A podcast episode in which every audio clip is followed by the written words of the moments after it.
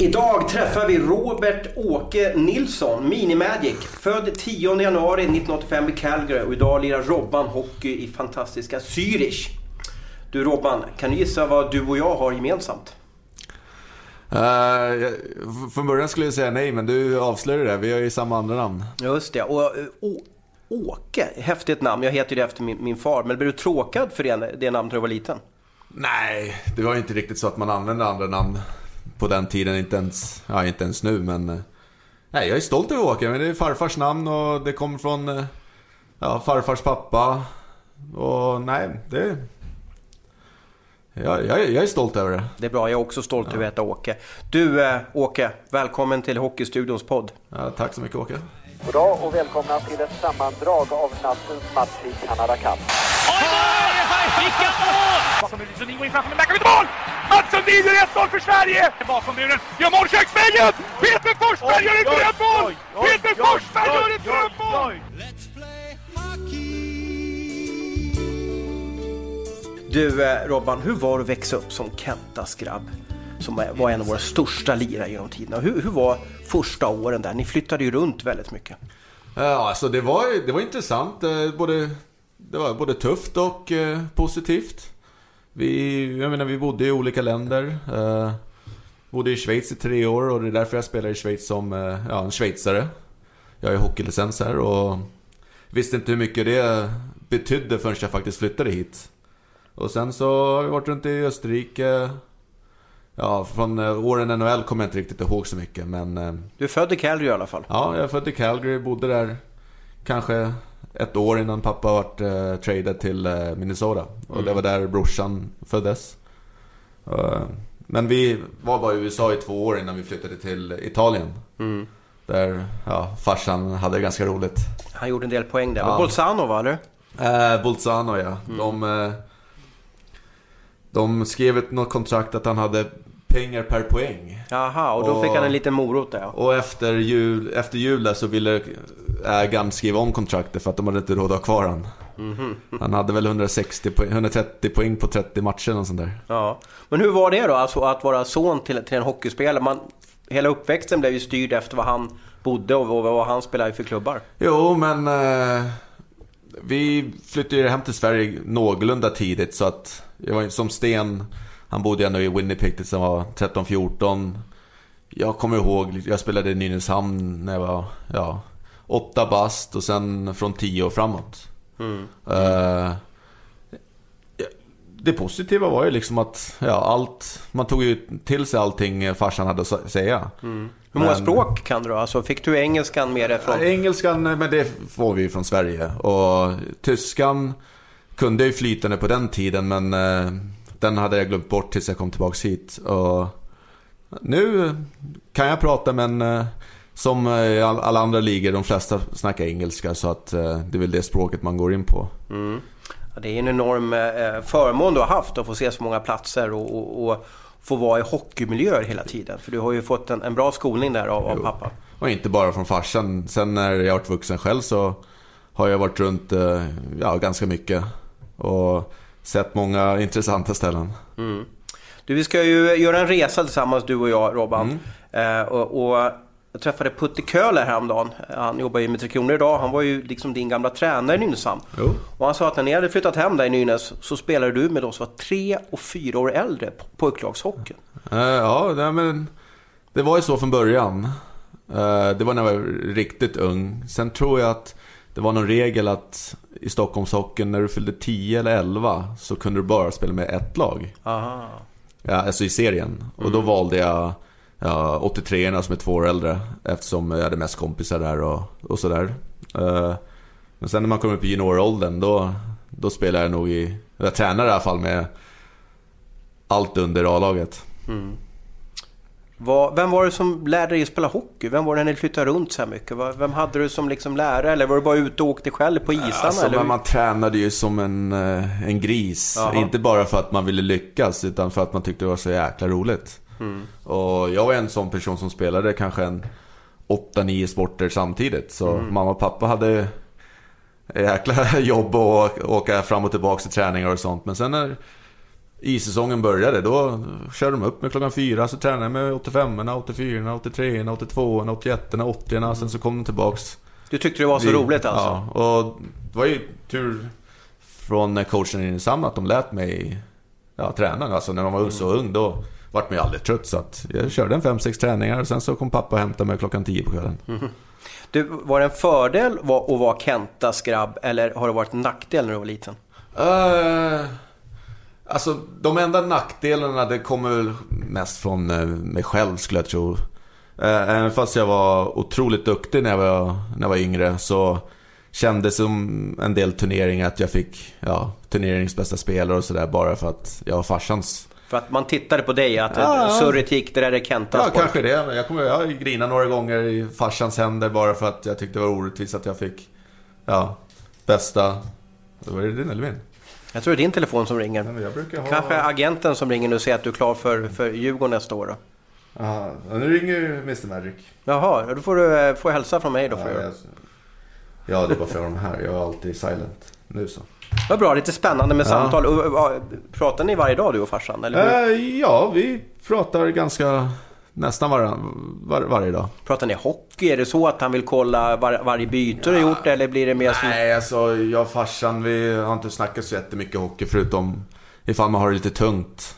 Då försöker han liksom bara berätta lite, ja, tillbaks till basics och sådana där grejer. Men eh, annars så snackar vi mest eh, hur eh, livet är utanför.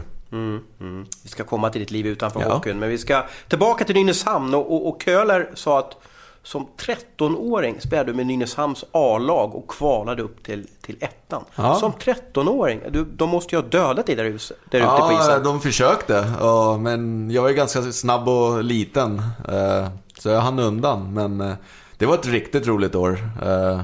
Eftersom ja, man var så pass ung och jag fick spela också. Så ja, det, det gick bra. Och, men på den tiden då hade man ingen stress eller vad säger man, pressure. Man bara spelade liksom. Det, jag kommer ihåg det som att det vore igår. Det var mm. jäkla roliga, roliga matcher. Vad sa motståndarna till dig på isen då? Alltså? Det var väl mest uh, dina lagspelare som uh, hånade motståndarna. Ja, att de blev uppsnurrade av en tonåring ja, alltså. Exakt. en tidig tonåring. Mm. Men som jag förstod också lite, det, det Köhler som gett den här bilden, så, så var det lite tufft för dig. För att motståndarnas föräldrar, alltså på läktarna när du spelade i pojklagsmatcher, de suckade när de kom på isen. De ville inte ens ställa ut sina pojkar mot dig för att du var så, så överlägsen. Ja, det var, det var inte så jättetufft för mig. Det var kanske mer tuffare för mamma och pappa i sånt fall. Okej, okay, då att de hörde surret ja, på läktaren? Ja, jag kommer ihåg. Man är 13 bast och man får liksom finger från läktaren och och sådär. Eh, var det en sån avundsjuka alltså? Jag hörde också att en del så kanske... Ja, de tyckte orättvist att jag... Att 85 kunde ta in mig. Okej. Okay. Vilket är lite konstigt eftersom mm. det är min ålder. Mm. Eh, men det hände inte så ofta. Jag spelade mest med min egen ålder på turneringar. Och då spelade jag back från början så jag kunde ta pucken och åka framåt. Mm. Mm. Vad var du bra på när du var liten på hockey? Vad, vad tror du att, vad var din det, det är det bästa verktyg där ute som, som ung hockeyspelare? Oh, det är svårt. Eh, på den, alltså jag, jag, är, jag tror jag är ganska bra balans och sånt på den tiden också. Och, och ifall folk ville liksom sätta dit mig så var det oftast de som ramlade eftersom jag var beredd på det. Mm -hmm. Men sen pucken och passningar och skridskoåkningen, de har väl varit där sen ja, tidigt skulle jag tro. Mm. Vad är ditt bästa ungdomsminne från hockeyn? Oh, ungdomsminne. Den är svår. Nej, jag menar... Jag tror det gladaste minnet var nog eh, när jag var 16. Och jag vart uttagen till U18-VM. Det, det kommer jag ihåg. Då vart jag riktigt glad. För det var, det var inget som var... Det var mer en surprise. Mm. Uh, och det var ju... Det, det, fick man, var det så här klassiskt att man fick ett brev hem eller fick man ett samtal? Nej, jag, jag fick uh, samtal eftersom det var någon som var skadad tror jag. Mm. Det var så det var. Och... Nej, det, det, det var riktigt, riktigt skoj. För mm. det var liksom första året i Leksand. Uh, man hade gjort det ganska bra ifrån sig i 20 och, och så vidare. Och, nej, det, det var riktigt glädjemoment. Mm. Du valde precis som du säger att, att gå hockeygymnasium då i Leksand. Då. Var, varför hamnade du där som Stockholmspojk? Varför var det inte AIK eller Djurgården för dig? Uh, jag var i Nynäs och vi snackade lite med Djurgården men... Uh, alltså som... Uh, när man var så ung, det är lite jobbigt att åka så långt liksom fram till Stockholm och Nynäs och tillbaks. Och Leksands hockeyskola har jag varit på sen ja, jag var ung eftersom min kusin Niklas Persson bodde där uppe. Så jag, och han är som en brorsa till mig. Så jag var alltid uppe i Leksand i några veckor varje sommar. Så det vart bara... Nej, man kände sig hemma där. Mm. Jag eh, pratade med Masken Karlsson, han var väl sportchef i, i Leksand under den här tiden. Och han, han hävdade att du, du fortfarande är den största talang han har sett på, på en hockeyrink. Ja, det, det är riktigt roligt att höra. Mm. Hur var tiden i Leksand då? Uh, jag, har ju bara, jag har bara positiva minnen från Leksand. Uh, självklart så det har varit lite tungt där på slutet. Men uh, ja, junioråldern, skola, liksom hela umgänget med grabbarna. Uh, ja, det är positiva grejer. Mm, mm. Uh, självklart så finns det negativa grejer också. Man kom lite för mycket in i spel, dataspelandet och det varit lite tungt både på hockeyn och skola och sånt. Uh, du måste ändå säga som 17-åring, eh, gjorde du elitseriedebut och gjorde alltså 21 poäng på 41 matcher. Det är mer poäng än vad Peter Forsberg och Marcus Näslund gjorde i samma ålder. Jo, ja, så kan man säga också, men jag hade hellre haft en fem poäng den säsongen och haft deras karriärer. Mm. jo, så kan man ju säga. Men det gick ju spikrakt fram till den där säsongen i alla fall. Men vad var det som hände när du skulle ta liksom steget sedan? Liksom, vad, var det som, vad, var det som, ja, vad var det som inte gick spikrakt? Ja, jag vet faktiskt inte. Uh, jag har för mig att farsan hade sagt att uh, han visste att det skulle komma en motgång någon gång. Han trodde att det skulle komma tidigare. Uh, men för mig kom det mer, jag var 18 då kanske. Mm. Jag tror jag var 18. Uh, nej, jag vet inte varför, varför det blev som det blev. Uh, jag, jag har inget riktigt bra svar på det faktiskt. Nej, när man pratar runt lite så säger många att du la väldigt mycket tid på, på Counter-Strike där. Att, ja, ja, att rutinerna det... i livet inte var de bästa just Nej, det, det har du helt rätt i. Uh, jag kommer ihåg någon gång så... Ja, grinade jag på telefon med morsan liksom. Uh, gick inget, skolan gick inget bra, hockey gick inget bra, tjejen, då tjejen gick inte så bra. Och på den tiden då ville jag nästan sluta med hockey. Mm. Och morsan sa till mig liksom att eh, Roman, jag tror du verkligen ångrar dig ifall du mm. Du tänkte sluta, sluta alltså då? Man vet inte hur... Det, är alltså så, det var så man kände. Mm. Men eh, sen är frågan om man ja, hade gjort det. Men eh, ja, morsan hade rätt. Eh, jag hade verkligen ångrat det. Var det här på sommaren eller var det under säsong? Eller vad var det för något som, vilken period var det här som du tyckte att det var, att det var tungt? Ja, det kommer jag inte riktigt ihåg. Men jag har hört stories förut också att... Eh, jag har hört stories om att pappa hade kommit upp till Leksand och släckt ut datorn och sen mm. nu jäklar får det vara nog. Och, det har inte hänt men... Eh, nej, man, man kommer till, eh, i alla fall jag, man kommer till ett stadie då... Man, nej, nu är det nog liksom. Och då skickar man iväg alla grejer och... Ja. Slängde du datorn bokstavligen? Nej, jag slängde inte datorn men jag la av med spelandet som tog massa onödig tid. Ja.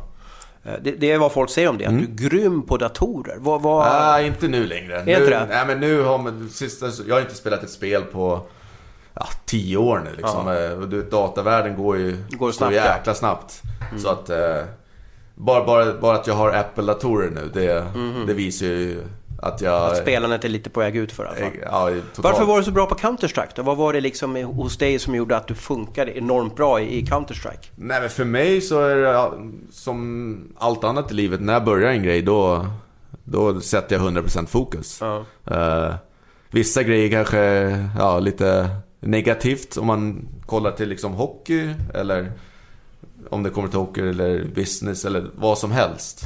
Så då, då ligger jag liksom allt fokus på det och då... Mm. Och då vill jag liksom bli bra. Hur bra var du alltså? Jag vet, jag är inte så bra på e-sport men alltså finns det liksom mästerskap och finns det rankingar eller? Jo, jag, alltså, jag var inte topp i världen som eh, en del av klaner som, man, som det heter på e-sport. Men eh, vi, vi har spelat mot dem. Men eh, ja, vi har inte vunnit men nej men vi var rätt bra. Mm. Mm. Så du spelar inte idag alltså? Jag tänkte om du hade något namn där som om, om folk som lyssnar att man kan söka upp dig och möta dig. Jaha, nej nej nej men mitt spelnamn är fortfarande Midde. Midde? Ja. ja. Och det har jag tatuerat på ryggen okay. också. Var, varför Midde då? Uh, det kom från, uh, jag hette Midnight från början och okay. alla grabbarna kallade mig för Midde så då bytte jag. Aha. Och du har den tatueringen på ryggen alltså? Ja, det gjorde jag första gången i Vegas. Jaha. Ja, så här, skönt att den sitter på ryggen så att man slipper se den. Men var, var det i samband med just att ni höll på att spela eller var, varför? Nej, det var bara, det var bara, det var bara en... spelnamn. Okay. Och sen ja, brorsan och några andra ja, närma kompisar, kallar mig för Midde. Jaha, häftigt. Men inte så många. Midde i alla fall, ja. ja. Du, eh, en vändning hos dig, det var ju när du blev proffs i Schweiz, när du åkte ner till Fribourg. Mm. Och, och, det finns ju oerhört många Robban-stories, det vet ju du också. Och stämmer det här att de hämtade dig i helikopter och körde dig alltså i helikopter ja, i första hemmamatchen? Ja, det var, det var något nytt. Eh, jag skrev på kommer inte ihåg om jag skrev på dagen innan eller dagen innan papperna var klara eller någonting. Då hade de match.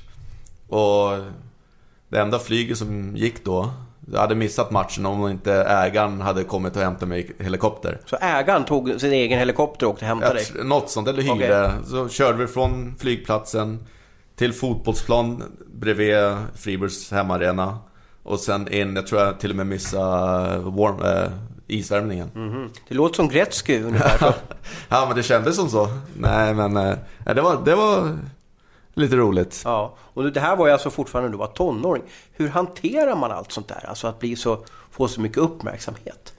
Uh, för mig så tror jag också att uppmärksamheten började väldigt tidigt i min ja, ungdom, ungdomsår på grund av mm. pappa. Så att det är någonting som man har växt upp med. Så det är ingenting som någonsin har uh, ja, fått mig ur fokus eller vad man nu ska säga. Mm. Så det... Ja, ja, har, du, har, du, gillat uppmärksamheten? Har du gillat att prata med ah. media eller, eller, eller, eller sponsorträffar? Eller?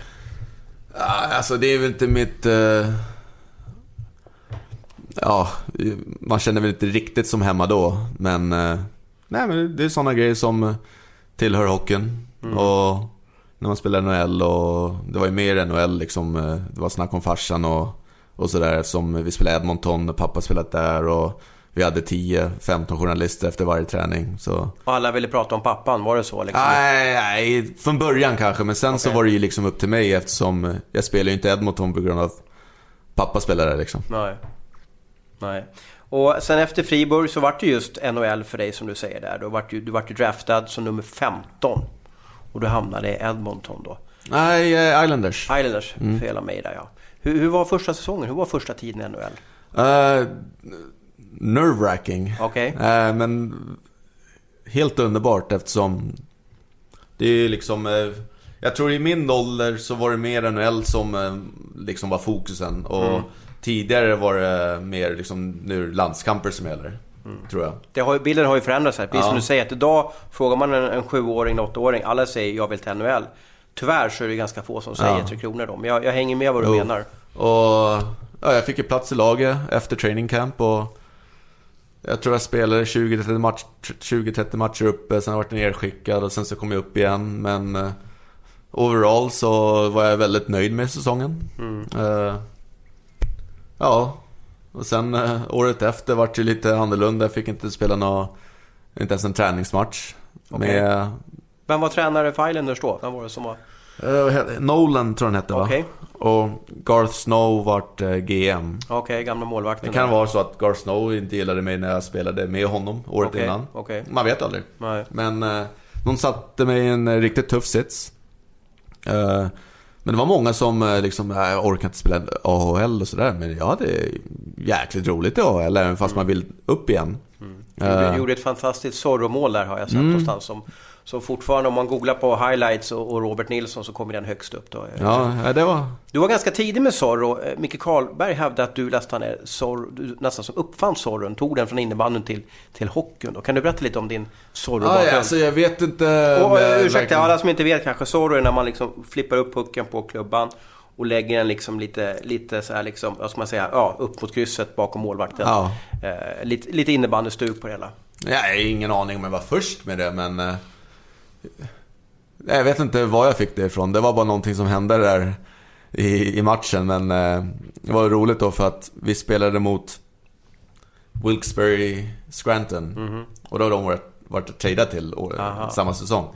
Men eh, efter jag gjorde det i första perioden, då kom deras fighter fram och liksom... eh, Robert, that's a dog shit move. Don't ever do that again. Okej.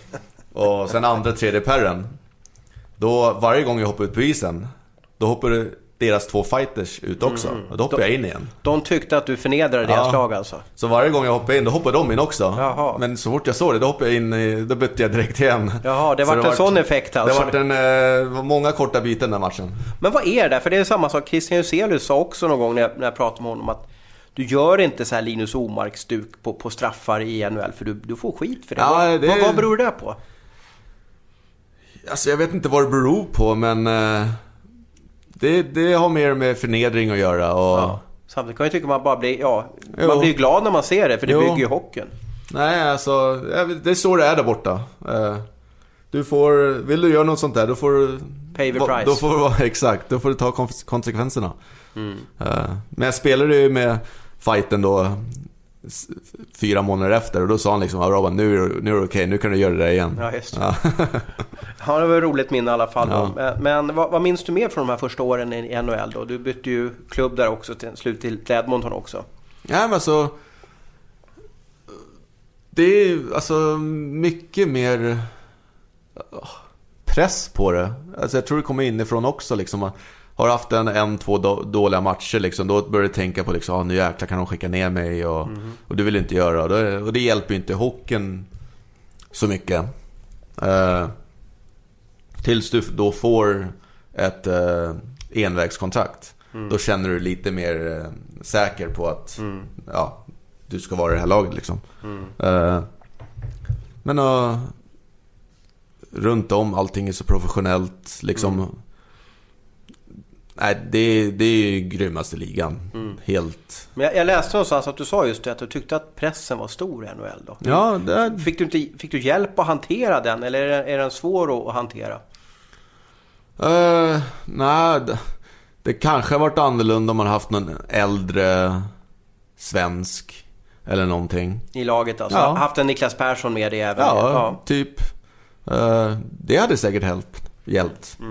Eh, men eh, nej, men det, det är svårt liksom. Du, du är liksom 20-21 bast. Du, det är något nytt för dig. Det, du spelar mot de bästa lagen i världen. Eh, du vet att det är 20 hungriga killar nere i AHL som vill ta din plats.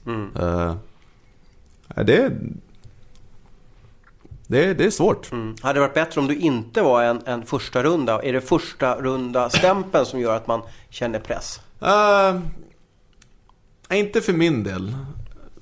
Det som är bra med första rundor också att de vill ju visa att de har gjort det rätta valet. Och du kanske får lite mer chanser än, eh, säg, en eh, fjärde rundare hade fått. Eh, så det är väl bara positivt, i alla fall för min del. Tycker jag.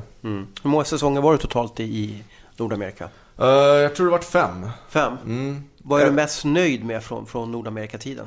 Eh, min första säsong i Edmonton är jag mest nöjd, nöjd över. Då, då spelade vi bra. eh, vi kom överens med mina kedjekamrater som var ungefär samma ålder som mig.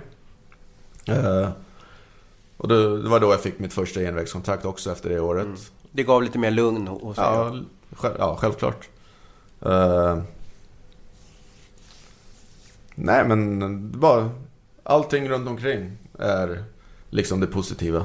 Mm. Ja, självklart är hockeyn eh, det roligaste också. Mm. Och du träffade ju din, eh, eh, på den tiden, blivande fru också. Sasha Chabibolin. Dotter till målvaktslegendaren Nikolaj då. Hur gick det här till? Spelade, spelade du och Nikolaj ihop och du började... Ja, men det var inte så vi träffades, för då var frugan bara 16 bast. Så det har varit lite konstigt. Men eh, på den tiden, det var sista året i NHL, då spelade jag med Nikolaj. Och nej, alltså vi hängdes inte så mycket eller någonting, men Det var mer när jag kom till Ryssland hade vi gemen, gemensamma kompisar. Okej, okay, så ni Och träffades i Ryssland? Och det var då jag började prata med henne. Ju som Facebook och lite Facetime och sådär. Och sen en sommar för fyra och ett halvt år sedan så var jag hemma i Stockholm. Hon spelade tennis. Så var hon i Madrid och kollade på en tjejpolare som spelade Madrid Open. Och då vaknade jag upp en lördag, hade ingenting att göra och hon frågade liksom ja, kom till Madrid då. Så då bokade jag biljett. Så var jag framme där vid 11 på kvällen. Och det var liksom bara Från början skulle det bara liksom något roligt eh, Ja, Ut och festa lite? ut och festa liksom eh, Två dagars Liksom bara hänga Men det slutade med att jag åkte ner till hennes ställe i södra Spanien Sen hem till Stockholm och sen ja, saknade vi varandra Åkte tillbaks, fram och Ja. tillbaks i Ja, en hel månad sen, sen dess har vi Ja, bästa kompisar Vad gulligt. Du, slu- var det du som fick henne att sluta med tennis eller hade hon redan slutat när ni träffades? Äh, För det är ju svårt att ha en tenniskarriär igång när man ska flytta med Jo, sin... nej, på den, hon har haft mycket skador. Hon har haft, innan hon, var- när hon var 19 har haft tre, tre operationer redan liksom på vader och axlar och sånt. Så hon valde själv att eh, hon orkade inte fortsätta. Det, vet man, spelar med painkillers, Mm. tränar med painkillers, liksom, det tar på kroppen efter Tennisen är ju en tuff sport Ja. också för det är det är en oerhörd konkurrens och du måste ha en otroligt tuff träning för att slå dig in där på topp 100 då. Exakt. Hur högt var hon rankad som bäst då? Vad är... Eh, Jag tror 500 kanske i världen. Mm. Hon spelar mest, du vet de här mindre, mindre turneringarna. Satellitturneringarna. Ja, så man är Vem liksom... vinner av er två i tennis? Eh, hon måste spela 100% för att vinna med mig. Okej. Och Vad kul vet- att kunna ha en sån grej Ja. ihop alltså. Kunna... Men hon gillar inte att spela mot mig för att Är det så att hon har en dålig dag och inte orkar koncentrera sig, då vinner jag då, då får hon höra det liksom. Alla mina polare ringer upp direkt vet du. För du var, du var en bolltalang i allting med golf och jag hörde att du stod och spelade golf i, i typ foppatofflor på Leksands golfbana där. Att du liksom, och ändå så vann Jo. du. Ändå så hade du bara plus ett i handikappen. Okay. Ah, jag, hade, jag vann eh, junior-KM i Nynäshamn med tofflor och, sy- och, I sy- tofflor alltså? och syrrans klubbor. Jaha. Hur, hur kan det vara möjligt? Eh, det I tofflor? Nej, det var roligt. Jag vann första året. Ja, Då sköt jag kanske, jag vet inte, det var inte så jättebra score. 76-77. Det är två dagars. Och sen året efter flyttade jag upp till Leksand. Och då ringde farsan ja, två dagar innan KM börjar. Och sa Robban, ska du inte försöka försvara då? Så då fick jag dispens för att komma in. Och då hade jag inga klubbor eller någonting med mig. Så Ja, då fick jag låna farsans driver och syrrans järnklubbor och så sköt jag 70-71 den gången och vann med ett slag. Åh herregud. Vad var din styrka som, eller vad är din styrka som golfspelare? Nej men det är som hockey, ibland det gäller liksom att allting går ihop. Ibland så har man bra utslag och kan inte putta. Och ibland så kan man putta och inte slå driven liksom. Men ibland så sitter allting tillsammans och, och då, då är man liksom bra på allting. Och Ja, det är mycket träning. Det var ju likadant med golfen som hockeyn. Man var där uppe hela tiden. Som, som jag sa, i hockey, man var, farsan kör upp med åtta på morgonen, så spelar man med olika personer hela tiden. Man inte känna personerna, man bara skrev upp sig. Och sen så kom de och hämtade mig klockan tio på kvällen. Hade du kunnat blivit lika bra på golf tror du som, som på hockey? Ja, Eller funderar du någon gång på att bli golf? Nej men på den tiden då var det hockey, golf och fotboll som jag liksom fortsatte med Okej. tills jag var 15. Och sen så var det naturligt att hockeyn var roligast.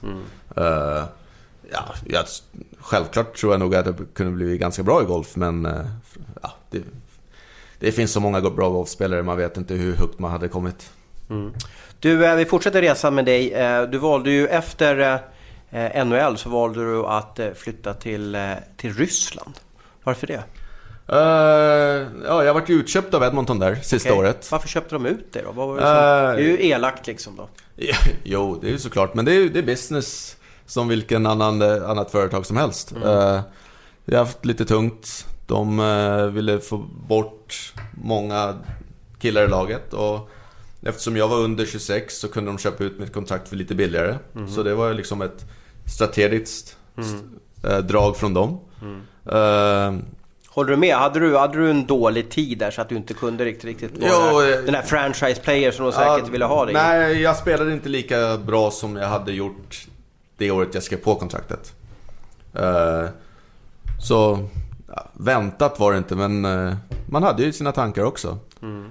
Självklart hade jag velat vara kvar, men ja, så köpte de ut mig och då hörde UFA av sig mm. och sa liksom att det här är vi redo att ge dig och för mig det var för svårt att säga nej till också. Mm. Uh, det var så mycket pengar alltså? Ja, och man visste inte riktigt. Man är, tidigt på sommaren så är det liksom jättemycket snack med NHL-klubbarna.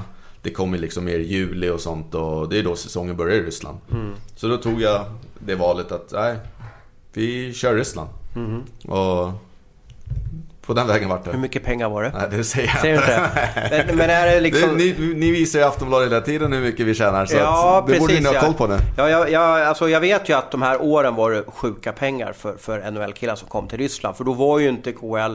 Idag har ju ligan tagit större steg, men det här var ju några år sedan och då var det ju en del barnsjukdomar. Så det, det var ju ganska tufft att vara i Ryssland där. Håller du inte med om den bilden? Jo, jo, nej, det, det var det ju. Och Ruben var ju liksom... Eh, ja, den stod hög på den tiden den, va?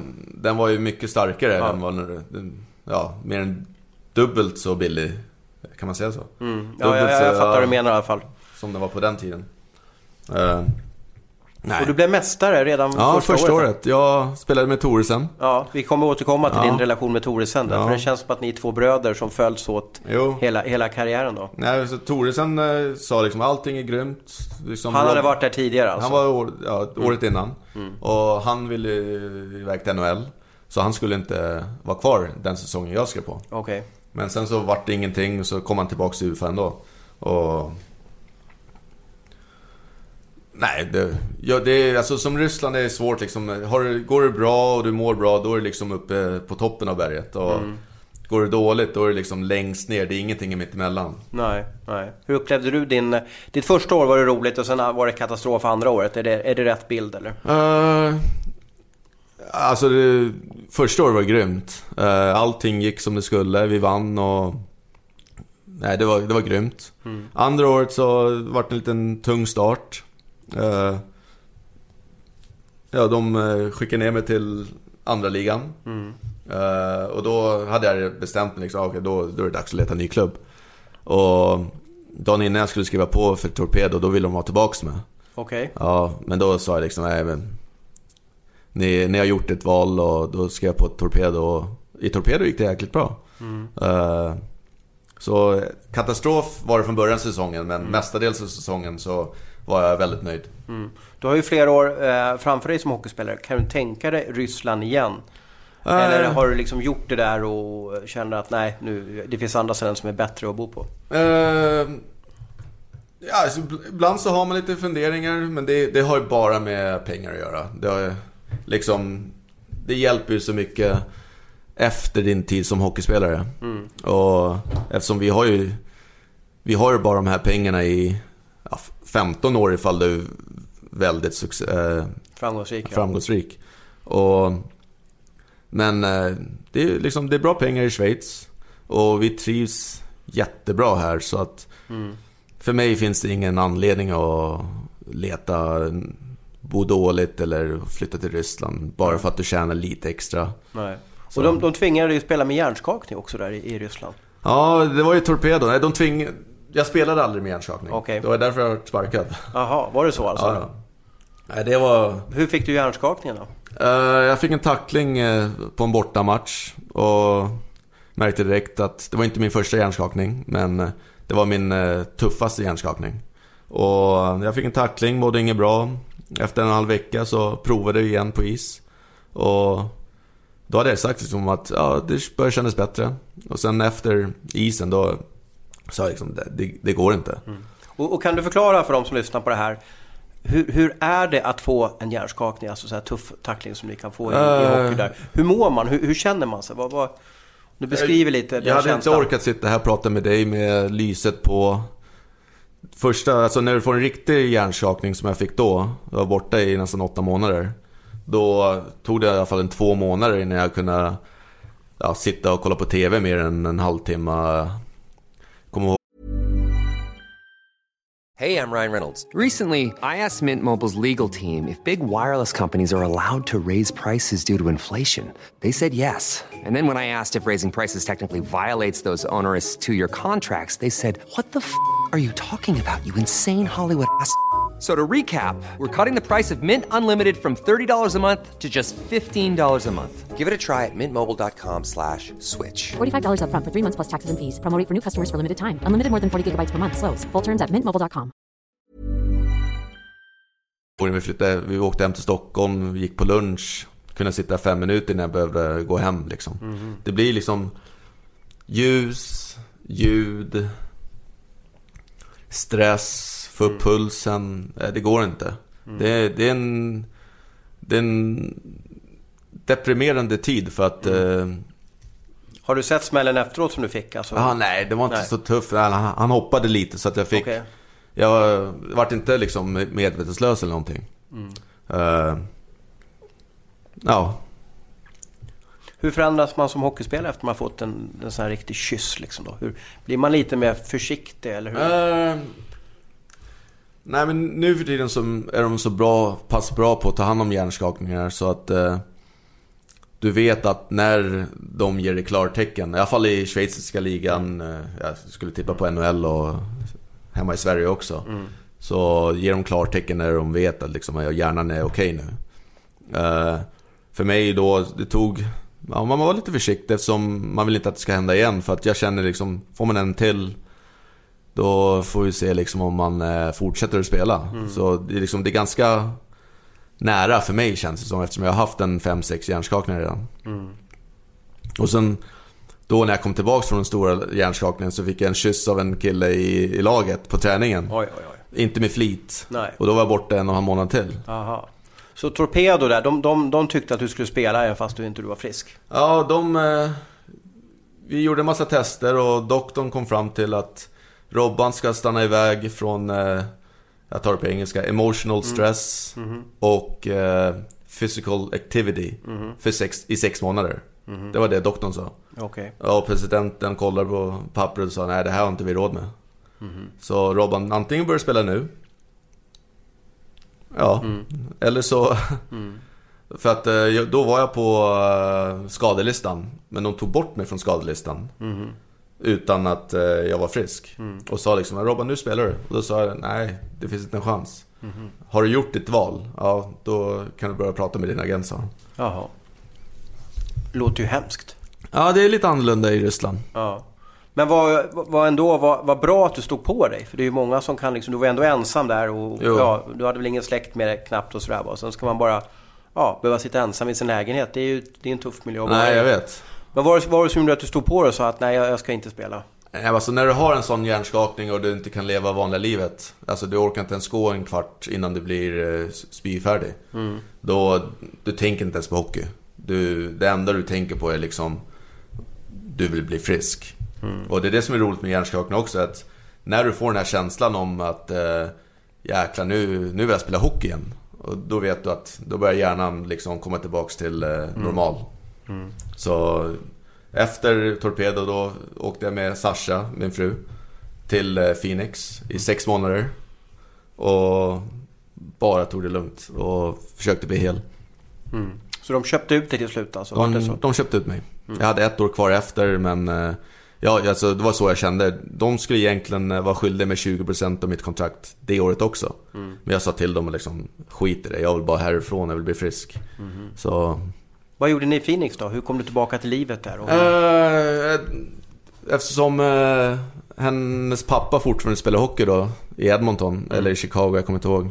Så jag skulle bara över dit en, eh, en månad. Så jag hade bokat en sån här flexbiljett tillbaks då 2 februari. Men sen eh, när vi kom närmare då var det så jäkla mysigt där. De har ett stort hus, liksom det är varmt och skönt och lugnt. Vi var ensamma. Så liksom det var ingen stress från hockey, det var ingen stress från liksom polare som ville gå ut på middag. Så liksom, det var väl liksom bara helt lugnt.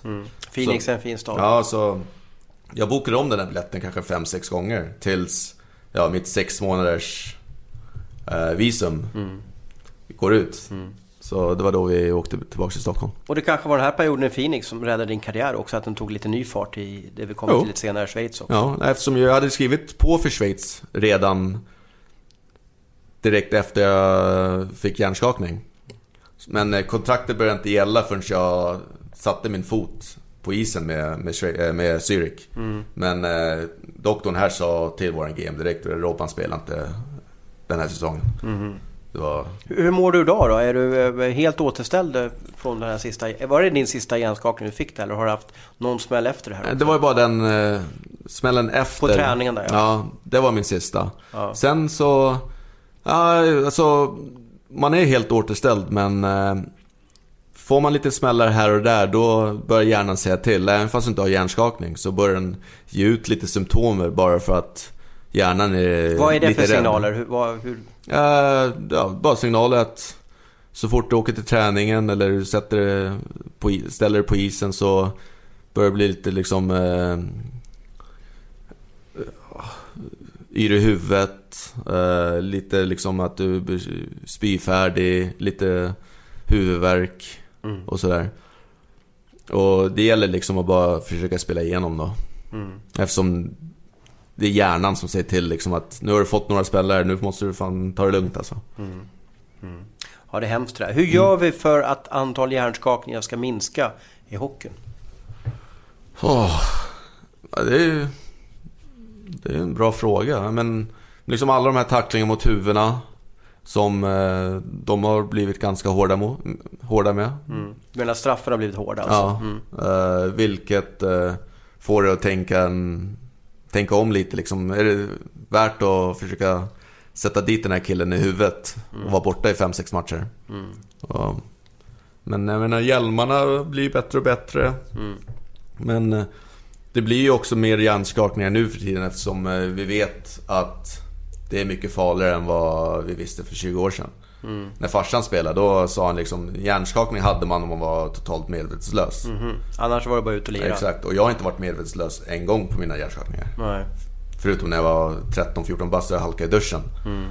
Och, så det är annorlunda. Men du, eh, eh, är, det- är det inte en risk för att om vi tar bort liksom tacklingar, eller i alla fall liksom... Många säger att vi ska respektera varandra på isen och det ska, och det ska man göra givetvis. Men jag tror ju också att det här kan liksom stoppa det fysiska spelet, eller fysiska delen av ishockey. Och det tycker jag är jättetråkigt om det, om det är så att spelare inte vågar tacklas där ute. Ja, nej, alltså jag tycker självklart inte att man ska ta, ta bort tacklingar och sånt. Det, men liksom, eh, det är inte så svårt att ge en schysst tackling. Eh, och är det någon som står med ryggen mot sargen eller du kommer in och försöker hoppa och sådär, det är bara onödiga grejer. Eh, men en rejäl bröstvärmare som eh, det kallas, det, det tycker jag definitivt inte ska vara, man ska ta bort. Nej. Ja, det var i Ryssland där som sagt var hjärnskakningen jättetråkigt. Men bra att du är, är, är hyfsat återställd i alla fall. Jag pratade med dina tränare Lars Johansson och Hasse Wallson och de sa att du, ibland så är du borta någon träning och sådär för att du inte är helt okej i alla fall. Det är bra att du, du tänker till och, och låter hälsan gå i första hand då. Hur är livet i, i Zürich då? Du är alltså en av få spelare här i Zürich Lions som väljer att bo i, mitt i stan. Där de andra bor i en, i en liten by, väl kanske fel beskrivet, men en, en, några kilometer utanför Zürich. Lite av eh, ekonomiska skäl för att det är ganska dyrt att bo här i, i Zürich. Vad, vad betalar du för din lägenhet här? Ja, just nu svenska mått 40 000 i månaden kanske. Det är, Något så, det är alltså så, det är Östermalmklass på, på, på priserna. Ja, men det är ännu dyrare eftersom jag bor... Här har jag bara 70 kvadratare liksom. Det är ingen stor lägenhet. Nej. Men den ligger mitt i Gamla stan. Så det är ungefär som att bo mitt i Gamla stan i, i Stockholm kan man säga. Det är samma vägar, det är svårt att komma dit med bil. Vi hade tur då att eh, vår lägenhet är typ helt nybyggt. Från ett gammalt hotell. Och garage finns i huset.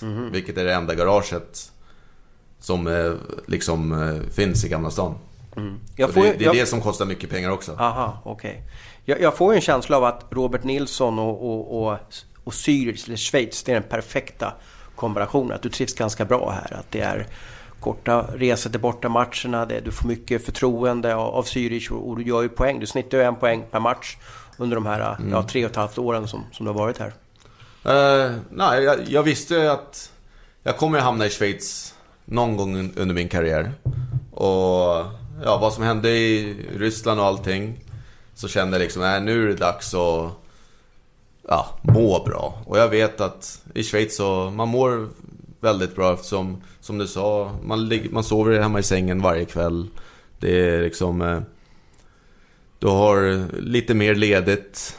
Och när du har ledigt så har du flygplatsen 10 minuter ifrån eller du har Alperna två timmar med bil. Eh, det blir mycket mer eh, ja, lugnare för eh, ja, speciellt min hjärna. För att det, komma ifrån hockeyn ibland bara om det är 24 timmar hjälper jättemycket. Är det här, har du, är det, här det, det bästa du har mått någonsin under din hockeykarriär? Ja, 100 procent. Hur ser framtiden ut då? Du fyller ju eh, 32 här om någon, eh, nå- några veckor. Ja. Hur länge till ska du spela hockey och Uh, SHL? nej, det var så roligt med min karriär. Då jag liksom... Jag kommer ihåg det. Jag, 19... Var, var det liksom eh, tanke på att sluta. Sen efter det då, då tänkte jag, äh, vi håller på tills jag är 26. Sen så öppnade en bowlinghall i Nynäshamn liksom. Eh, sen liksom åkte till Ryssland och tänkte på så här, efter Ryssland, ja då kan man eh, lägga av och lira. Och sen eh, träffade jag Sasha och började träna med han, hennes pappa på somrarna. Och han är 43 bast och har åtta pack liksom. Och, så han fick igång mig och liksom eh, var i riktigt bra form. Och jag menar, så... det vad, hjälp- vad, vad har han lärt dig då? Vad, vad är Nej, det, det är, det är bara att mer att ta hand om kroppen. Eh, som i Ryssland vägde jag 90 kilo liksom och nu väger jag 82-81. som- Okej. Eh, och det hjälper så mycket mer på isen. Ja. Vad tränar ni för något då? Alltså vad är det för typ av... eh, Är det det, det som är så populärt nu, crossfit? Eller vad är det för Ah, typ nej, vi... av... Kör, kör en russian style med lastbilsdäck på ryggen? Nej, men eh, det är lite sånt också. Men eh, vi har en egen tränare som vi kör med i Phoenix. Okej. Och det där jag börjar. Så istället för att ta ledigt 4-5 veckor som jag gjorde förut efter säsongen och liksom hinna bli fet innan man börjar träna igen så, så stannar jag liksom på nästan matchform. Vi börjar träna direkt. Även, även fast vi liksom har kul på kvällarna så kör vi stenhårt på dagarna så att liksom du håller din form hela tiden. Och det har hjälpt att hockeyn har blivit mycket roligare. Och nu känner jag liksom att nu vill jag spela tills eh, kroppen inte håller längre. Du kommer göra som farsan alltså då? Och det har den känslan har jag aldrig haft förut. Så det är väldigt positivt. Du och sen, eh, du avgjorde finalen 2014 då på, på straff. På straff. Ja. Hur, eh, hur minns du den, eh, den finalen och, och straffen där? Var det, eh, Eh, jag är inte helt påläst där, men var det, var det alltså, blev, ni i Zürich blev tilldömda ett straffslag, alltså i sudden death, eller hur, var det? Nej, vinsten. Alltså, hela den eh, slutspelsomgången så hade jag något riktigt sjukt stim på straffar. Jag tror jag satte sju av sju eller något sånt där. Och... Ja, matchen vi vann då, det var bara det som... Vi var lika efter tre perioder, spelade en period och det var fortfarande overtime. Jaha, Och sen vart det straffar. okej. Så då satte jag min första straff.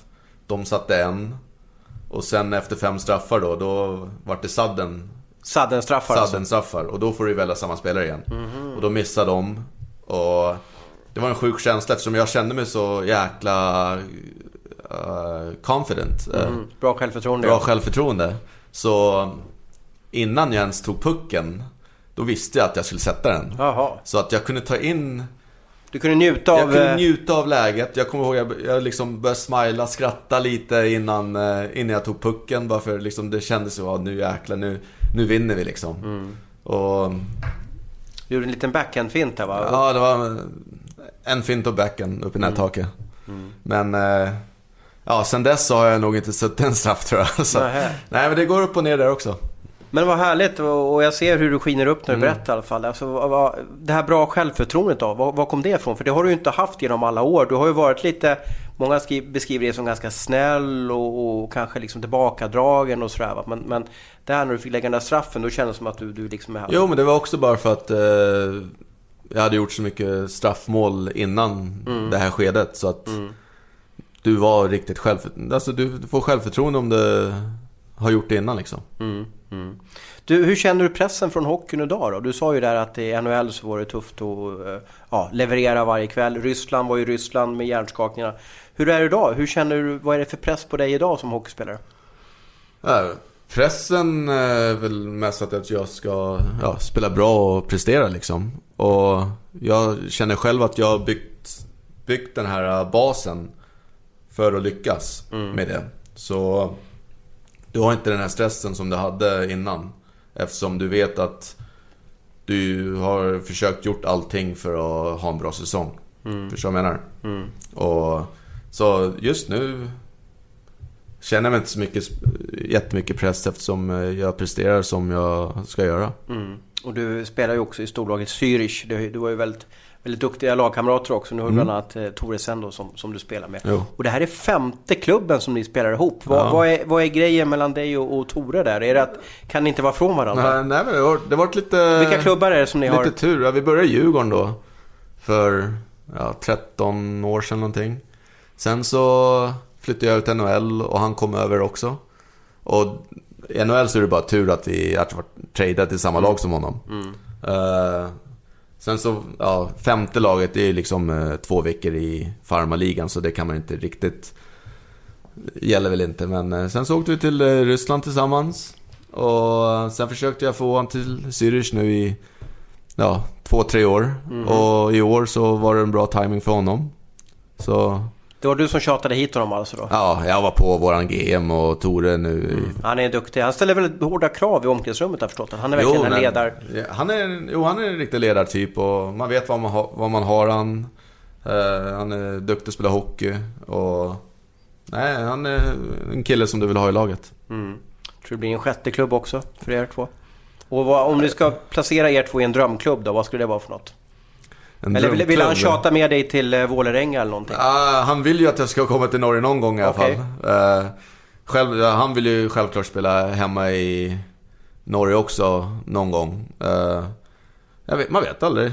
Alltså, just nu så tänker jag ju bara på Zürich. Mm. Men... Uh, Självklart skulle det vara roligt att spela i Djurgården också någon gång. Mm. Är men... du djurgårdare? Är det så? Alltså? Jo, jag, jag, känner mig som, jag, jag, känner mig som en djurgårdare. Även fast jag bara spelar ett år i Djurgården. Men uh, jag är född Pappa spelade Djurgården, farfar var materialare för Djurgården. Uh, det var Djurgården hela vägen. Mm. Men kommer du göra så som en del gör, att man avslutar karriären ja, det, det, Jag vet inte. Alltså... För de säsongerna brukar inte bli så bra när man avslutar. Exakt, liksom. det är just det. Just nu så känner jag ingen eh, anledning till att flytta ifrån Zürich. Uh, eftersom jag är schweizare ingen import här så hjälper det för lagen också. Mm. Självklart skulle det vara roligt att åka hem till att spela i Djurgården, men då vill du ju liksom vara... Du vill vara toppklass då vill, då vill du vara bäst. Mm. Liksom. Du vill inte komma hem och... Ja, spela dåligt liksom. Nej. Och det är svårt, det är en svår balans eftersom eh, du kanske vill, vill vara kvar här i Schweiz i några år till och då... När du ska hem, då är du lite äldre. Mm. Du, innan vi släpper hockey, vi ska mm. prata lite om, om dig som privatperson, så måste vi lyssna om Tre Kronor här. Jag, mm. jag, såg i en intervju med SVT att du sa att nej, Tre Kronor är ingenting för mig. Var, varför resonerar du så? Uh, alltså, det med SVT, alltså det, det, stämmer ju allting jag sa, men det, det kanske kom ut lite fel också. Men eh, det är, för mig... Men vill du spela i Tre Kronor igen då? Uh, jag skulle tänka mig att spela i, i Tre Kronor. Men, Om Garpenlöv ringer här på fredag och undrar att... Men för mig, det, det har mycket med huvudet att göra. Okej, okay, du menar hjärnskakningen eller? Ja, alltså Aha. den tid vi får under de här uh, veckorna under säsongen gör så mycket för mig. Mm. Och liksom uh, bara kunna ja, resa bort tre, fyra dagar och släppa allting. Och mm. få en du behöver riktig... de där tiderna. Ja, det behöver jag verkligen. Mm. Jag såg och... på ditt Instagram där att ni åkte ut till något trevligt spa du och Sasha. Jo, men det, fantastiskt. Vi gör det ibland. Har vi träning en dag och sen ledigt nästa så då, då tar vi bilen så, så åker vi till ett nytt ställe och mm. kör en liten uh, god middag, spa. Och det känns som en vecka liksom. Mm. Nu har du varit mästare i Schweiz och du har varit mästare i, i, i Ryssland också. Vad har du mer för målsättningar för, för liksom hockeyspelaren Midde Nilsson? Ja, just nu är målsättningen att ja, ta tillbaks bucklan hem till Zürich. Mm. Det, är, det var, det, enda... var det katastrof för ett år sedan när ni torskade mot Bern? Ja, förra året. Ja, det var... Vi hade bra... Alltså vi, vi alltid liksom... Eh, Ni vann Konst- serien kan jag berätta då och Bern kom åtta eller något sånt där. Ja, vi, vi har ju vunnit serien sen jag kom hit. Jag säger inte att det är mitt. Bara det är liksom eh, mig det gäller för. Men eh, vi har vunnit serien sen jag kom hit och vi är alltid liksom eh, contender till att vinna bucklan. Och förra året hade vi också Austin Matthews, vilket var riktigt roligt och ro- riktigt rolig spelare att spela med. Och ja, Bern, vi är liksom, vi har varit etta nu i ganska lång tid och kanske har tappat lite, lite tur en del matcher och Bern har kämpat och kämpat och så De var liksom på toppen av deras spel när slutspelet började och vi var inte där vi skulle. Ja, och de, de gick ju också vidare sen och vann hela, Ja, hela vann titeln mot och- Lugano. Där, ja. Nej, de spö- vi hade chansen första två matcherna. Eh, men torskade liksom... Ja, slutspelshockey, det händer ibland. Mm. Men vi vart överkörda. Hur, hur, eh, hur funkar det då i Schweiz? Alltså hur hockeygalet är Schweiz? När ni torskar katastrof som det är. Hur påverkas laget och spelarna av det? Alltså hur, hur uppträder eh, media mot er? Eller hur uppträder fansen mot er? Alltså hur, hur blodigt allvar är det? Nej, men det, det, det är större och större för varje år känner jag här i Schweiz. Uh, media och sånt, eh, ska jag vara riktigt ärlig, jag läser... Jag läser aldrig om det. det folk säger liksom... Antingen läser du, eller så läser du inte. Beroende på... Kan du... Tycker det är roligt att läsa om dig själv. Och, och sådär. Men så, gör man det så får man ju också läsa sen när det går dåligt. Jo, Då exakt. man Nej, så att jag, jag, jag har ingen intresse att läsa om det. Så att media och sånt, det, för mig spelar det absolut ingen roll. Nej. Det är mer fansen man tänker på, ledningen och sina kamrater liksom. Och ja, det var den tidigaste sommaren jag har haft i alla fall. Ja, kanske var bra för, din, eh, för ditt golfhandikapp i alla fall. Ah, jag, har inte, jag, spelar, jag har inte spelat golf sista två, tre åren. Det har du inte? Nej, Ja, du har fullt upp med, med annat. exakt. Du, eh, privatpersonen Robert Nilsson. Eh, din lillebror sa att du är en stor eh, vinnörd. Ja, Det trodde jag inte. nej. Och, och alltså, väldigt många människor älskar vin, absolut. Men, men han hävdar att du har 11 000 flaskor tillsammans med Nikolaj där. Alltså Khabibulin och Ja, svärfar. nej men eh, ja, Sashas pappa är ju en riktig vinhandlare också.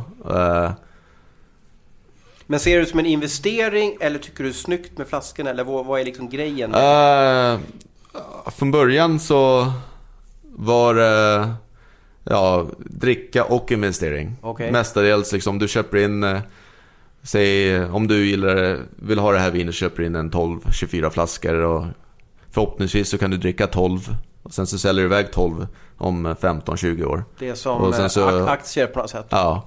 Eh, Och varför var det har ni, har ni 11 000 flaskor? Eh, det vart ju lite problem här. Jag vet inte om du har hört. Det finns ett, en vinkedja som heter Premier Crew. Nej.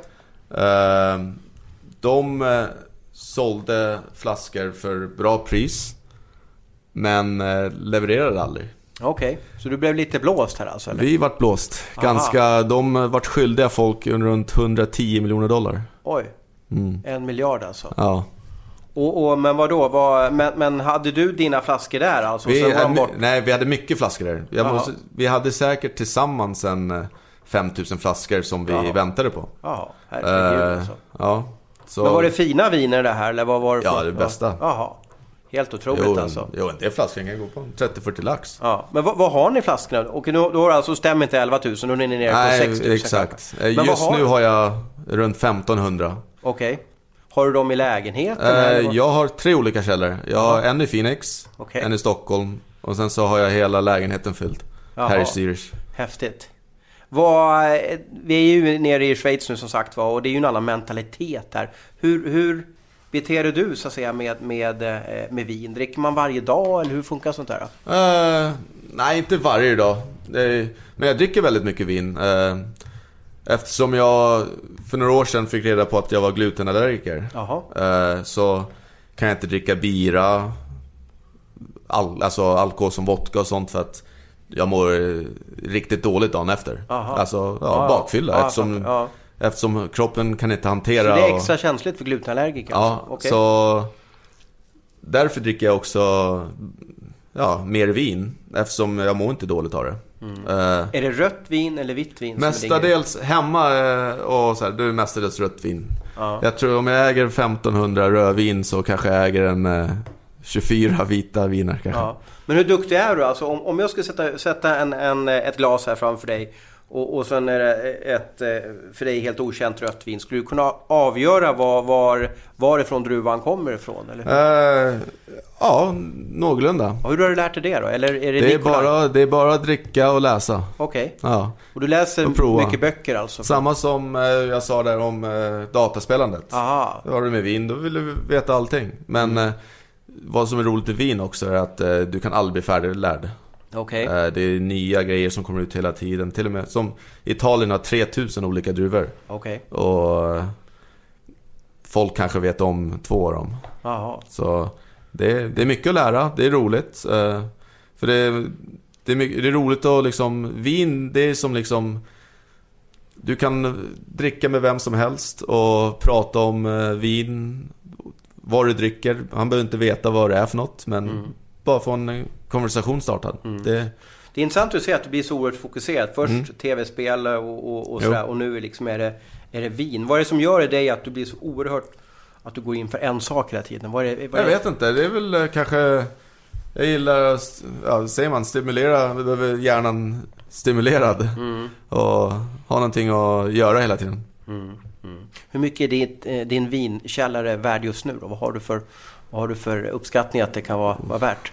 Jag vet inte, två, tre miljoner kanske? Okej, är, det, är det den största investeringen du har gjort alltså liksom? Eller vad har du mer för, för, för liksom kapital? Investering? Mm, för det kan man se som investering, din vinkällare i alla fall. det Jo, ökar. det kan man göra. Eh, ja, det är en in- investering för själen i alla fall. Nej, men investeringar, det vet jag inte. Men vad är hem för dig då? Vad, vad, Stockholm. det är Stockholm i Ja. alla fall. Och du bor där, har lägenhet Jag där? har och sådär. lägenhet där och... Blir det Stockholm en dag för dig? Eller, eller, eller, eller Sasha, vill, kan hon Nej, tänka sig bo i Stockholm? Eller? Sasha känner sig som hemma i Stockholm också, så Aha. att det blir definitivt Stockholm. Ja. Det är där vi kommer, kommer bo, bo i framtiden. Ja. Hockeyspelare och vinkännare, vad, vad har du mer för intressen? Vad är du mer fokuserad på vid sidan om hockeyn? Uh, sidan av hockeyn. Eh, ja, jag skulle vilja gå mer in på business och sånt. Okej. Vilken Eh, typ av business är det som du får? Mer eh, investeringar, kapitalförvaltning och sådana grejer. Eh, vilket jag inte är inte komfortabel med ännu. Men det är den vägen jag skulle vilja gå efter hockeyn. Vad menar du att du inte är komfortabel? Att du inte har tillräckligt med kunskap? Ja, exakt. Jag, jag hann inte med skolan så mycket. Så nu gäller det liksom att få en bas. Så att du kan börja koll, veta exakt vad du ska kolla och räkna på och sådana grejer. Hur får du den basen då? Alltså pluggar du någonting då? Eller? Eh, nej, jag har inte börjat plugga någonting ännu. Det är mer eh, eget, egen plugg kan man säga. Men jag har svårt att... Nu är det liksom hockeyn som gäller. Då vill jag tänka 100% på hockeyn. Men liksom börja tänka på annat då, då kanske jag tappar en 20% på hockeyn och det vill jag inte. Än så länge. Spännande i alla fall då. Vad, på somrarna, vad gör du då? då? Somrarna hänger vi mest ute i skärgården. Är det föräldrahemmet där i Nynäshamn? Eller, Eh, eller har pappa ja. kvar huset i Nynäs? Eller? Nej, vi hänger inte jättemycket i Nynäs. Vi eh, hänger mycket ute på Djurö med Douglas Murray i hans hus. Och, eh, vi har precis köpt ett hus själv i Tyresö, i Dyvik, Brevik.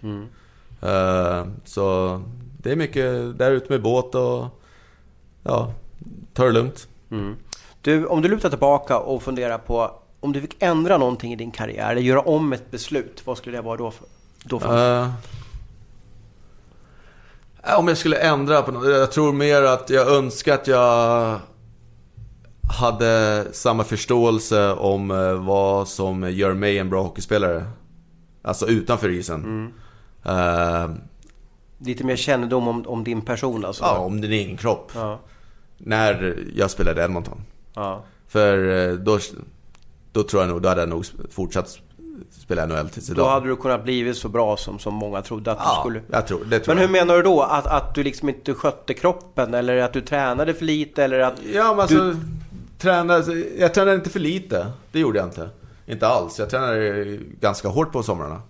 Eh, men eh, kanske var inte 100% i rätt träning. Eh, liksom bara ätandes och drickandes med gluten liksom. När fick du veta att du var glutenallergiker? det var den som, vintern jag åkte över till Phoenix. Aha, efter hjärnskakningen Ja. alltså? Så och sen dess, du håller liksom, du är bra tränad hela tiden och, och det, det krävs för att kunna prestera bra varje match. Så det är därför nu känner jag liksom att jag eh, jag har inte de här liksom, eh, Dipparna alltså? dipparna som jag hade förut utan jag ligger mer på en hög, kon, säger man, consistent. Mm, en bra nivå hela tiden Ja. Ja, lite intressant att du inte fick veta tidigare att du var glutenallergiker. För det brukar man ju se, ja kanske när man går till skolsköterska eller någonting. Sen vet man Jo, inte när du det- utvecklade allergin riktigt. Nej men det var ju ingen som var glutenallergiker för 15 nej, år sedan. Nej, det är ju Ja. precis. Det, du Ja. har ju helt rätt i att det blir lite, blir lite pop, pop, popsjukdom man ska kalla det för i alla fall. Du, eh, bra jobbat. Nu har vi suttit här i nästan 70 minuter. Oj, det var- det gick snabbt. Eh, precis. Jag ska ta det lite, nu bestående på hälarna så här. Jag brukar alltid avsluta min podd med att låta eh, intervjuoffret, det vill säga dig i det här fallet, få ställa en fråga till mig. För nu är det Ah, jag okej. som har tryckt massa info från dig. Ja. Men nu får du chansen och möjligheten att, att eh, skruva fast mig mot väggen här. Oh, det blir svårt. Måste jag tänka, Allt är, allt är tillåtet. Måste jag tänka lite här. Eh, Stämmer det förresten att, att din favoritpizza i, på Leksands pizzeria, att det var calzone? Eh, ja, det måste du nog gjort. Jag gjorde en del pizza själv i lägenheten, så, så gick jag bara ner för trappan och stoppade in den i deras ugn. Jaha, du, Ja. du gjorde egna Det calzone? var så jag käkade på den tiden. Va, Vahid, så att säga. Var det Vahid ja. som bakade? Ja, exakt. Ja. Ja, ja. Så, jag bara ville köpa dig lite tid så att du kan fundera på vad, vad, vad du ska ställa för motfråga i alla fall. Eh, ja, enda fr- första frågan jag ja, får upp i hjärnan måste vara Är det svårt att försöka vara polare och positiv med spelare som du vet att du någon gång kommer skriva riktigt negativt om? Du menar stoppa, stoppa kniven i ryggen på Eller någonting, Ja. jag förstår vad jag menar. Jo men det är jag, jag förstår hur du menar. Det är precis som om du och jag har en relation och så måste jag skriva dåligt om dig för att du har varit dålig. Mm. Typ liksom någon match. Det är klart att det, är, att det inte är känns roligt att göra det. Är alltid lättare att skriva positiva artiklar. Nu har han gjort mål och nu har han gjort det och nu har han gjort det. Eh, Men jag tror att man tappar väl lite respekt om man bara skriver hyllningsgrejer hela tiden. Jag tänker så här att är man bara rak och ärlig, kanske till och med skickar en text till dig att ja, det här kommer jag skriva nu Robban om, om, om ja, din karriär just nu. Så, att, så du får en, en, en chans att kanske bemöta kritiken innan. Eh, Men, men jag, jag förstår, och det är en intressant fråga för det är ju de som man känner väldigt bra. Det är oftast de man går upp och pratar med för då tycker man att men han är trevlig att prata med. Så att, det är klart det gör ont i, i en när man behöver ta fram motorsågen mot någon som, som, Ja, man, som man, man liksom känner. Det är, liksom, det är lite, lite tuffare att såga dem faktiskt. Det förstår jag. Har du varit med om det någon gång eller var, var, Ah. var, var, var kommer frågan ifrån? Nej, jag tänkte bara, det är som journalist, vilken journalist som helst. eh, Mm. Men jag tror i hockeyn så är det lite annorlunda kanske eftersom eh, man är nära hockeyspelarna hela tiden. Ja, och vi har ju en bättre relation Ja. med hockeyspelare. I fotbollslandslaget så, så det är ju inte så att våra fotbollsreportrar kan sitta och podda med, med de stora landslagsstjärnorna. Nej. Det finns ju inte, de har ju inte den relationen. Va? Men, men eh, jag förstår vad du menar. Det var Nej, det, var ingen bak, det var ingen baktanke från Nej. min sida. Det, Men jag förstår vad du Ja. menar. För det är alltid... eh, Och så är det ju också en balansgång. Hur nära ska man vara så att säga? Va? Liksom, Mm. vad, vad, vad vill man ha för relation? Men jag tror att är man bara rak och ärlig och du har ju ingenting emot om du blir, får kritik egenskap av hockeyspelare. Det, Nej, det tar man ju. varit, eh, Men börjar man vara på ditt privata liv och, och sådär, då kan jag ju tycka Mm. att då är det ju liksom konstigt varför man, ja, varför man är så tuff på det i alla fall. Du, eh, vad gör du efter den här podden då? Vad har du på gång då? nej, nu ska jag till Coop.